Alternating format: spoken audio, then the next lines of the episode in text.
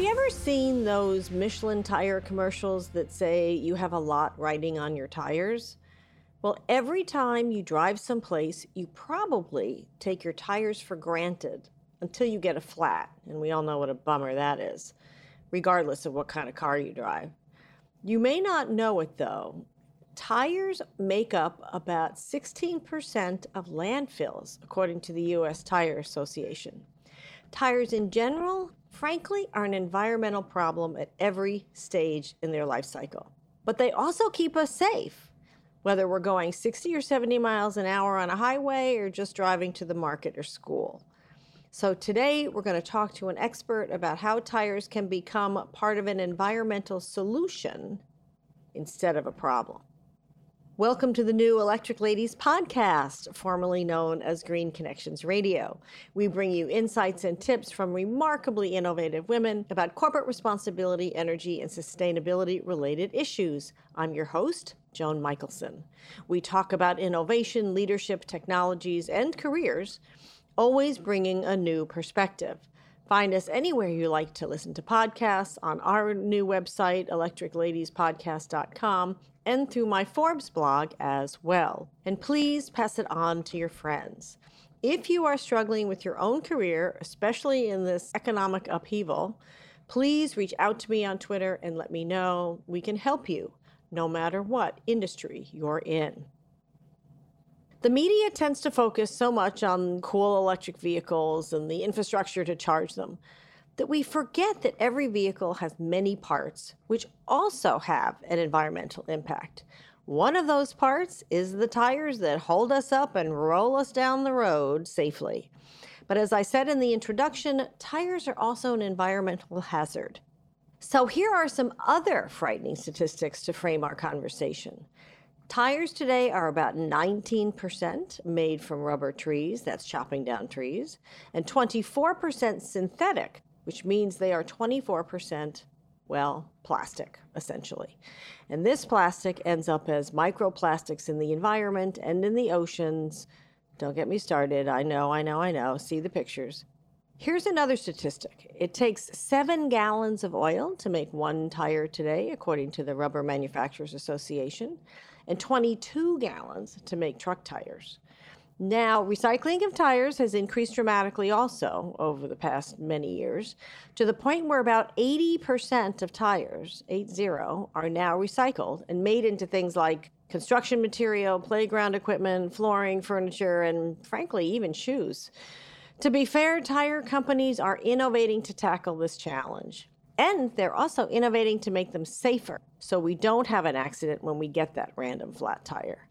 Today, we're going to find out how one company is doing both at once. I'd like you to meet Maureen Klein, Vice President, Public Affairs and Sustainability for Pirelli Tires of North America, where she has worked for about 15 years in various roles, including public and government affairs.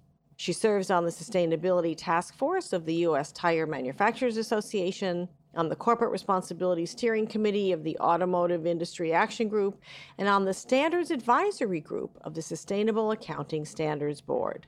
Before joining Pirelli, Maureen was in my chair, actually, as a journalist in Italy. I'm envious of her living in Italy, where she was a Milan correspondent for the Wall Street Journal and wrote for other media as well, including Italian media. Maureen earned her bachelor's degree at Yale and her master's at the London School of Economics. So, without further ado, welcome to the Electric Ladies podcast, Maureen, and thank you for joining us. Thanks so much for inviting me. Oh, you're welcome. You're welcome. So, I saw that Pirelli is, is taking a leadership role in sustainability in the tire sector. And I saw you guys had earned S&P Global Sustainable Gold distinction and things like that, which is based on the Dow Jones Sustainability Index.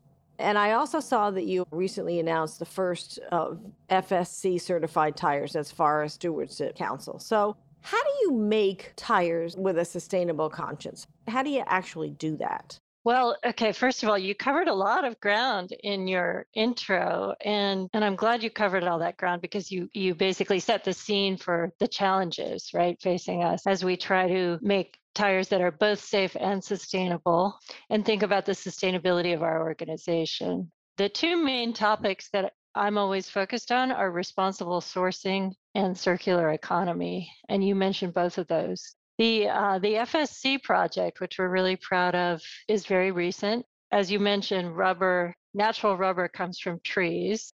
They're mostly in Southeast Asia, and the rubber from the trees makes up about 20% of a tire, a passenger tire. And so what we did was we asked the Forest Stewardship Council to go on the ground and and do the whole certification process just like they do for paper and other forest products. And that certification was a chain of custody certification. So they're basically certifying that natural rubber for human rights you know, a list of human rights components and also zero deforestation. So, in other words, no natural forest was burned down to plant those trees, you know, to keep up with all this demand for rubber. So they're they're certifying that rubber for zero deforestation and for a list of human rights aspects. And then they're following that rubber throughout the chain of custody all the way through the factory here in Georgia. So I'm joining you from Rome, Georgia, where we have a factory. And this was the first factory in the world certified by FSC for this chain of custody. And we have just produced the first FSC certified tire.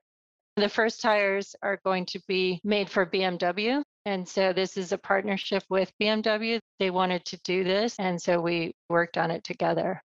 So that's responsible sourcing. We're also involved in a We've been involved in setting up a global platform for sustainable natural rubber, which is based in Singapore. And that includes most of the tire industry, most of our competitors working on these issues of traceability in the supply chain and, you know, the relationship with the forests and the communities and the human rights. Um, so that is a work in progress. We're hoping to you know, improve year on year on that. And our sustainable natural rubber policy is based on, first of all, it's based on 12 pillars. There are a lot of aspects to it, but it's based on the idea that we engage with our supply chain and we ask them to bring us a roadmap of what they're going to do each year and how they will improve. And then we um, we do the same thing. We have an annual roadmap, and then we announce our results and we publish it on our website. So that the idea is to improve over time. I was just gonna say I love the idea of co-opetition. Hold hold that thought though that you were gonna continue with because and I, and I just want to I just want to put a pin in that because it's and we may come back to that because it's so critical that it could you could easily use it as a competitive advantage, but the truth of the matter is we all live on the same planet and everybody needs natural rubber and to do it in a way that doesn't hurt the planet. And so for all of the tire manufacturers to come together on this is really admirable and and I don't know who who put that together and I'm sure there's all kinds of nitpicking points and whatever in the in the coalition but I think that's really important. Yeah, so that I think you hit on a good point. It's very hard to do a really, you know, expensive expensive sustainability project like responsible sourcing like this and knowing that, you know, if there wasn't a way to publicize it and get, you know, and and convince people to pay more for that product, you would have this cost and a competitor might um, who hadn't made that investment might just undercut you know what you're trying to do so bringing together the whole industry uh, to work on minimum standards to work on certifications to work on just also to study you know best practices from other other platforms like palm oil and and what mistakes to avoid and so on. I think that's so important and we need that and we we also need government, we need regulation, we need minimum standards. I think if we're going to if we're going to really raise the bar. So collaboration and minimum standards. And then the other big topic is circular economy, which you you talked about. I'm happy to address that if you want me to just jump into that. Yeah, I'm I'm really interested in let's just stay on the supply chain for a minute because sure the manufacturer of these tires and of course the whole pricing thing it's interesting you're all coming together so you have to nobody's going to be able to undercut each other for the same it's like using the same gene mapping you know kind of thing. But the the process of making tires is energy intensive, water intensive, you know, wa- waste intensive, and there are huge issues with recycling in this country about anything much less tires. And tires are big. I mean, a water bottle you could at least put in your, you know, in a thing and drop it off in your recycling bin. Can't do that with a tire too easily. So, how do you manage? that supply chain? How do you manage that manufacturing process? I mean, because you, you're you're still having to make the tires at the same time. You have to tweak the process. So first of all, you're you're bringing in kind of the life cycle of the tire, right? So we start with the raw materials and then and we look at all our impacts across the life cycle, including manufacturing. And if you look at the whole life cycle and the environmental impacts, most of the, the huge majority of uh, environmental impacts are when the tires are on the car. So we and other tire companies do focus a lot of our r&d on making tires that are more fuel efficient right because they're contributing to you know the car emissions and so on or helping save fuel. But going back to the manufacturing process it's actually not the most energy intensive and water intensive of manufacturing industries but in any case like other manufacturers we set goals we are constantly working on energy efficiency lowering our water withdrawal reusing water and also working on waste so there's factory waste, but then there's, of course, scrap tires, end of life tires, which in some parts of the world, notably Europe and Canada, you have extended producer responsibility. So you have the tire companies actually coming together in coalitions and setting up organizations that are responsible for collecting the tires, you know, and figuring out what to do with them next.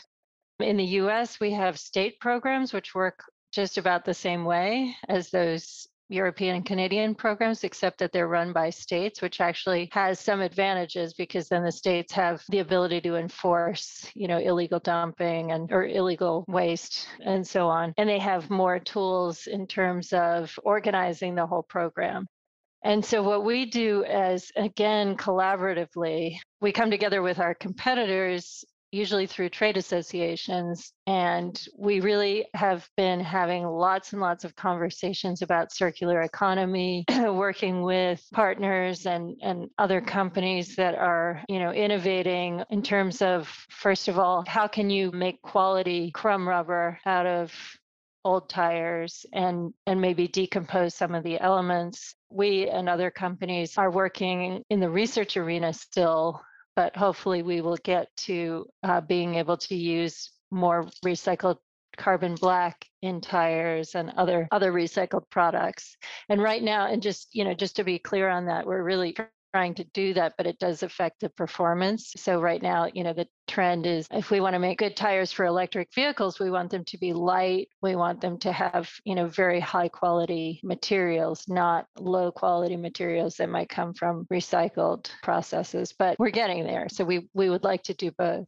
So that that implies that recycled tires made from recycled materials are lower quality. Well, um, normally companies are putting recycled material more in off-the-road tires, construction tires, you know, some truck tires, uh, using them infill, things like that. So it's not as good quality as virgin material at this stage in history. And Pirelli makes uh, high performance tires for luxury cars, sports cars, racing cars, and so on it's hard to do that now, but we're working on it. And then I would say, you know, maybe the next best in terms of circular economy, the next best solution is to use that scrap tire material for other things that are needed. And one big example is rubber modified asphalt, because you can make asphalt with scrap tire material in place of other polymers. And so the asphalt responds well to things like temperature changes, things like uh, water, rain, and often lasts longer than other asphalt.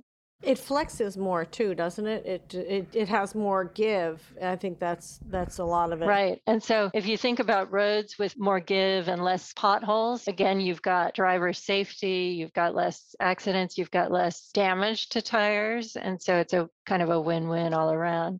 Well, and less damage to the rest of the car. I mean, you can do damage to your car in bad potholes, especially if you're going over them repeatedly. Exactly. So, we, the Tire Trade Association here in the US, recently funded a state of knowledge research uh, project at the University of Missouri just to look at all of the research around rubber modified asphalt so we can see, you know, the qualities and any risks that have come up. And you did also mention uh, the issue of plastics, right, in your introduction. And we're always asking ourselves, well, what do we know about the impacts of the particles coming off of the tires on, you know, while they're on the road? Right? That's called tire and road wear particles because it's not just tire particles, but it's also particles from brakes, particles from the road itself. And so there's a lot of studies going on right now into that and into the impacts of the those particles as they go into the either the air or the groundwater and into the oceans. So we as the tire industry, the Tire Trade Association again, have actually asked California to put some of the chemicals in the tire and road wear particle in their priority chemicals research alternatives analysis to help speed up the process of looking for better materials. So I'm just going to jump in a couple things. First of all, I did a story a while back. Um, I think it was for WTOP on playground equipment made from rubber.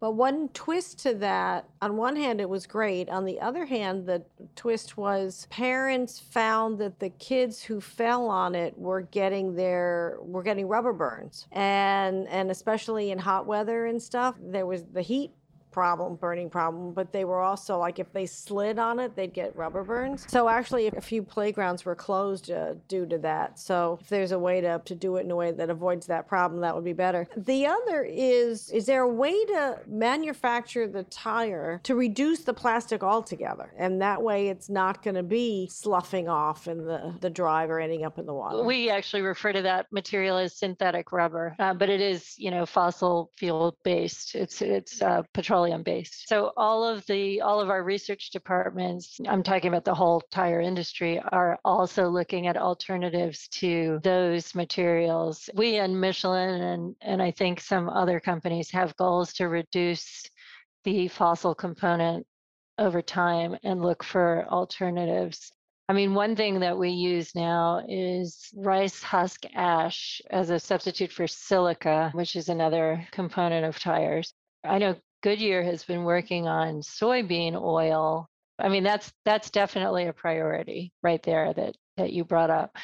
Um, let me just ask you real quick and hold that thought, don't lose that. Is how do you guys decide when to collaborate and when not to. You know, it kind of reminds me of I did a, I interviewed the CEO of the foundation of the NIH, and she has an innovation model where she brings together com- competitors to solve X problem that they all have, and then they go, they each go off, and nobody owns the IP that they create together, but they go off and they use it however they want. So I'm hearing you've given me four or five examples of this collaboration, which is great. So how does this, how does the trade association, and how do you and Goodyear and Michelin, et cetera, decide when to collaborate and how to structure it and when you just want to go off and do your own thing because some of these things could be competitive advantages you know the, the soybean oil could be one for goodyear right? Just as you know rice husk could be one for you guys. So how do you how do you do that? yeah so on those particular ones we're not collaborating. Goodyear's hanging on to its soybean okay. research and not sharing you know the details and good for them you know we all want to be pursuing research on those things the most um, I think exciting collaborative work actually in the tire industry is being done through something called the Tire Industry Project of the World Business Council for Sustainable Development, which actually is R&D people from all of the the big tire companies collaborating on research. So there is there is actual you know serious collaborative research there on things like impacts of uh, tire and road wear particles and impacts, you know, of some of the chemicals in tires. It's been, you know, years and years that we've been coming together to look at collaboratively at what research uh, is out there, where are the data gaps, what do we need to know that we don't know now, and how can we take that information and then separately and competitively, you know, improve our products. Do these change as road technologies change? because there's all kinds of new technologies being developed for roads themselves too. I mean, even solar roadways. The way roads have been made have stayed the same for decades, but now there's a there's work being done to change that for the same reasons. So I would imagine that the tire's performance is also dependent upon what it's rolling on. Somewhat, sure. And we, you know, of course, our hope is that all roads will be rubber modified asphalt. Just a little plug for that. but I mean, that's part of it, of course. There are surface impacts. Um, but of course, if you're designing tires, you need to be considering you know all kinds of conditions. So we test tires on mountains on you know in heat in cold weather on ice and so on. And you have different types of tires of course for different mm. seasons and you know there's all of that involved as well. Yeah i was going to ask you about testing um, by the way i've lived in extreme hot and extreme cold so i i have a visceral experience of all of that um, I was amazed I didn't need different tires in North Dakota than I had in Las Vegas. Let's put it that way. That was kind of surprising. Well, I would um, argue that you probably did. well, I well in true in fairness, I had two different cars, so that may. I mean, we do think that you that Americans tend to not realize that winter tires are much safer in winter conditions than all season tires. But anyway, that's another no, that's okay. Well, in North Dakota, it's winter most of the year, so that may be part of it. But how do you how do you test sustainable tires to make sure that they are safe, right? I mean, because you have to have zero tolerance. You can't do a pilot, right? Because you can't put anybody's life in danger. It's like how they're testing autonomous vehicles is a little scary, for example. So how do you how do you test tires made from sustainable materials to make sure they're safe? Well, the test so the testing uh, protocols are very strict. You know, in all parts of the world, there there's also a UN project for alignment, harmonization of testing protocols and so on. And there are rules about testing. So one of the things, you know, when we were talking with California about putting these these chemicals on the, the research list, we want to make sure that some of these environmental concerns don't lead to outlawing chemicals that if you today took them out of the tires, you would have a safety disaster right and so that's, you know, that is absolutely key. We want to work incrementally to not compromise safety, which we can't do anyway because it's the law. There are regulations around that. And the testing equipment and the testing protocols. We have indoor testing, outdoor testing. The outdoor testing is with drivers, the indoor testing is with machines. You know, you can put a tire on a machine and, and run it so that you can see how it wears down under certain conditions. You can change the conditions in the lab you know, that kind of thing. But talk about these cool smart tires. I mean, I just, so full disclosure, I had a flat tire recently in my new hybrid SUV. Fortunately, I was still on my property when I discovered some weird sound that turned out to be a flat tire. So, how would one of your smart tires like tell me that that was a problem before I even pulled out of where I was parked in my garage? Um, okay, so there's you're probably familiar with TPMS, which is the tire pressure monitoring system, which in your car tells you if one is deflated, right? So we are working on we have a product called the Cyber Tire, which is like the kind of ramping up of that. There's a McLaren, I can't remember how much it costs, but there's a, a very expensive car that has these special sensors in the tires that connect the information that the tires are receiving on the tires themselves you know, temperature and inflation and things like that. And then also they can detect um, information from the road, like for instance, slipping on water, and transmit the information to the vehicle electronics so that the vehicle can respond uh, appropriately and differently. So there's a lot going on on that front as well, just bringing electronics to the tires, seeing what what information you can provide that helps with safety as you said, and also fleet management. So if you, you know, if you were if you have a truck fleet or even a um, I don't know, a fleet of Ubers or Lyfts or rental cars or something, if you were able to have information on a dashboard or on a cell phone or you know, in an app about which car is having a tire problem in advance. You know, you could remedy that. For truck for truck fleet management, it's good because the main way that tires can be a problem for fuel economy is by being underinflated.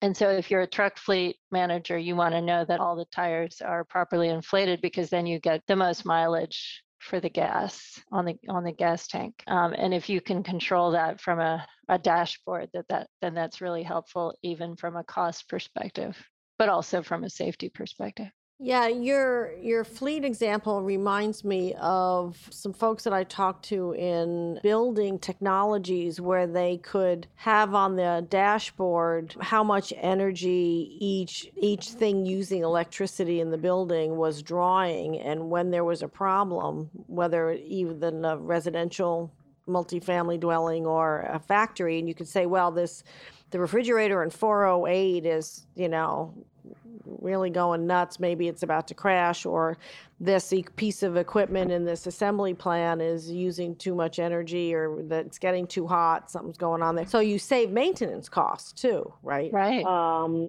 not to discount the safety factor, but there's multiple ways that you're you're you're saving and then you can probably have a better chance of being able to reuse those parts than if you have a, a big problem. So, real quickly, the um, the global supply chains in this um, country in the world were turned upside down by COVID. So, how has and computer chips are still not recovered, as are many other areas. So, how has Pirelli managed that crisis? Yeah, that's an interesting question. We, I mean, we I think we had less impacts than others, like the, the vehicle manufacturers themselves. Of course, you know, if the vehicle manufacturers shut down a factory because they don't have chips, then that affects, you know, their orders for tires as well. So that would slow down. We definitely had impacts in ports you know, importing tires with containers waiting in a port for a long time, like everybody. And at one point, we started getting a lot of questions. It was, I think the media was asking itself, well, what's the next shortage after chips? And we started getting a lot of questions about natural rubber supply, but that has not been an issue.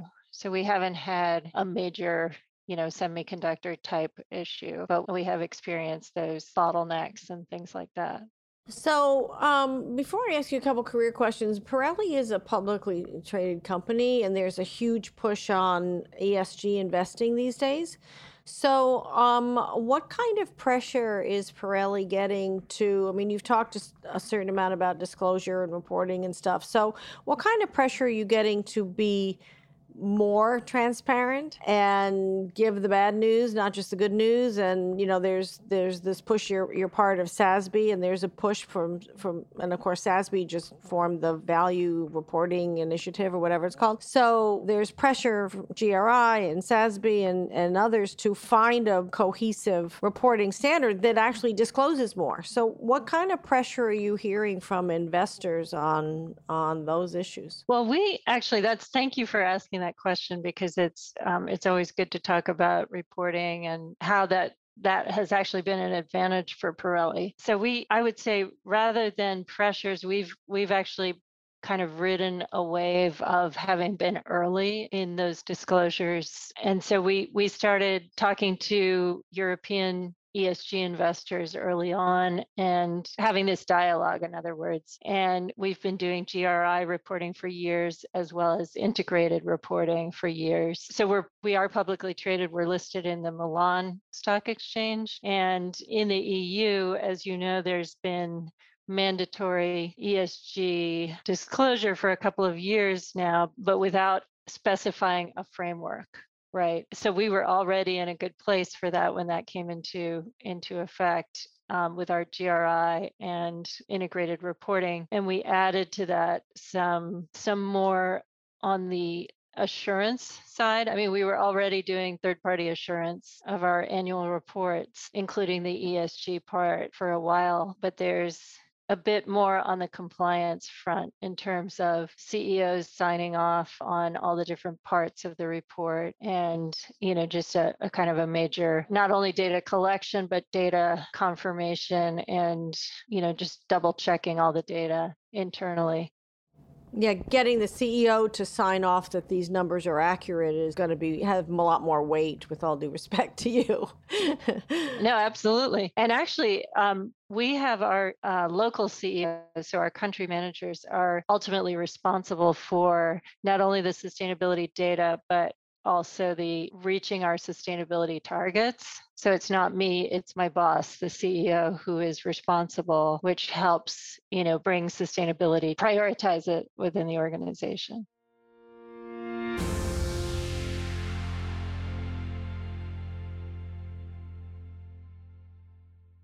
So, uh, before I let you go, a little bit of career advice for folks. We like to give some advice to particularly women in STEM careers. So, first of all, give us the short version of how you got to Italy and then from journalism to Pirelli, if you don't mind. Sure.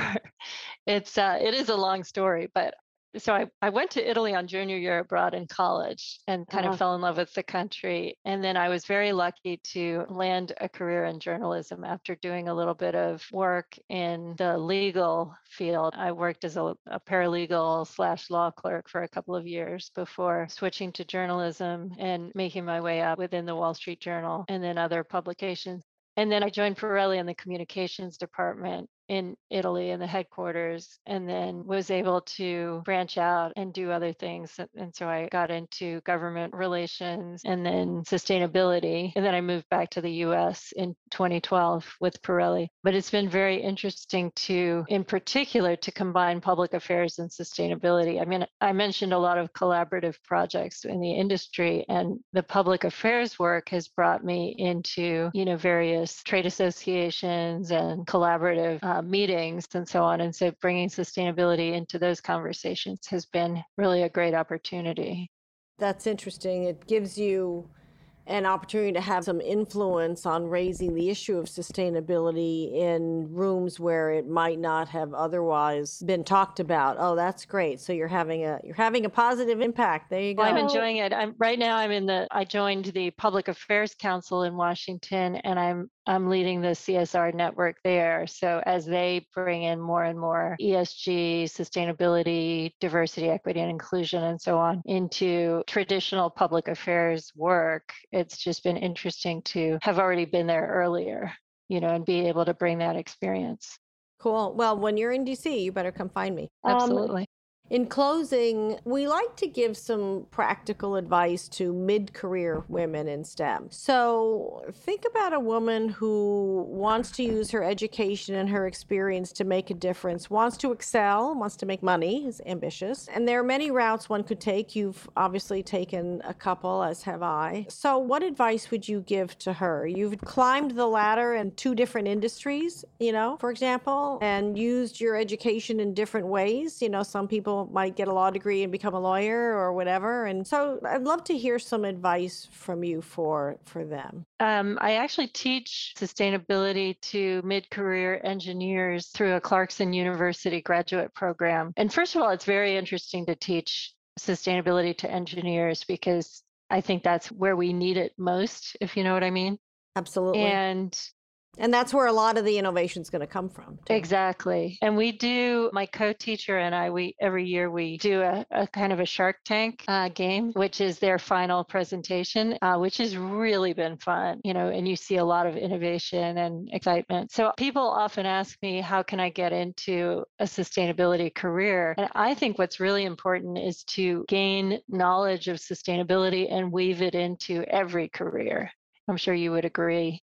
Totally agree. Yeah. And that's why I like to focus on mid career because it's not about with all due respect, fresh out of college. It's it's when you already kind of know what you're good at and you've got a track record in relationships, right? And that's why on this show I cover all different industries because it it affects every aspect of our economy and our lives. Mm-hmm. So I guess my advice would be to just um, use all possible uh, learning opportunities whether it's you know online courses listening to your podcast reading you know subscribing to newsletters and so on and just get your your overall sustainability education in order and then you can really start diving into how to make what you do more sustainability focused and raise the topic like you do in these meetings, right? Where it would not perhaps otherwise been talked about. Yeah, actually, we didn't even uh, talk about. I think you originally contacted me because I had managed to get an ESG option into our 401k.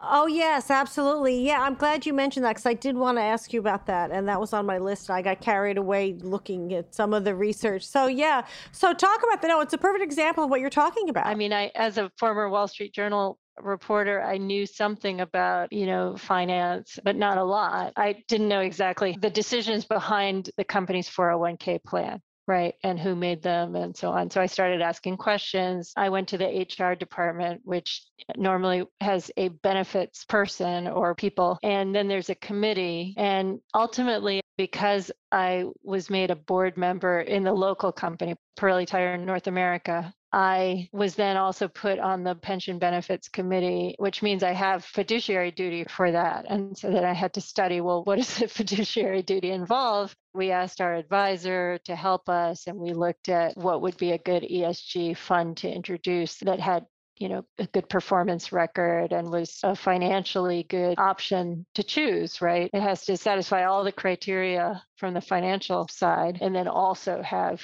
esg as a focus. And so we were able to introduce that and um, and it's done well among our other funds.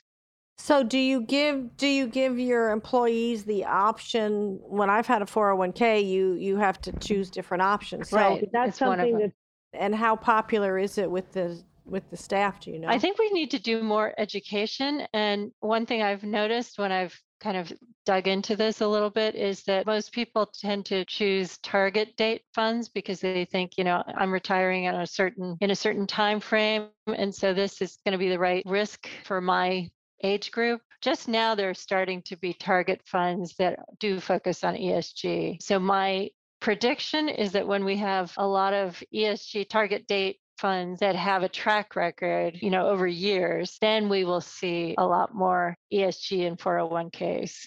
Yeah, and when there's more people like you educating their teams about it, because I think a lot of it is is education. I mean, as uh, you know, from my experience on the corporate side, there's so many things that people internally just don't know about. And everybody right now is so overwhelmed. It's probably, yeah. And I'll be curious to see how that evolves. So let me know if you hit some kind of milestone on that. Well, thank you so much, Maureen. I really appreciate it. Any final thoughts before I let you get back to your day? Thank you. This has been fun. It's always a pleasure to um, bring people's minds around to how their tires might have sustainability aspects because I know we don't think of them that way. It's a it's a journey in every industry that uh, needs to happen.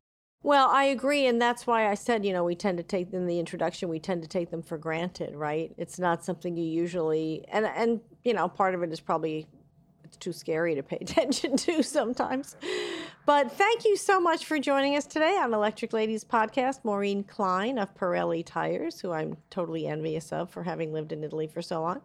So, do you recycle your tires? Do you think about sustainability in your tires? I bet when you get in a car next time, you will not take your tires for granted. Tell us on Twitter at Joan Michelson.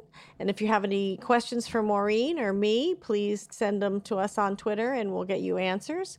We will have a drawing for anybody who tweets us questions, and the winner will get a complimentary 30 minute coaching session with me. And please subscribe to our mailing list to stay abreast of our talented, amazing guests like Maureen, our blogs and career advice, and special coaching offers too.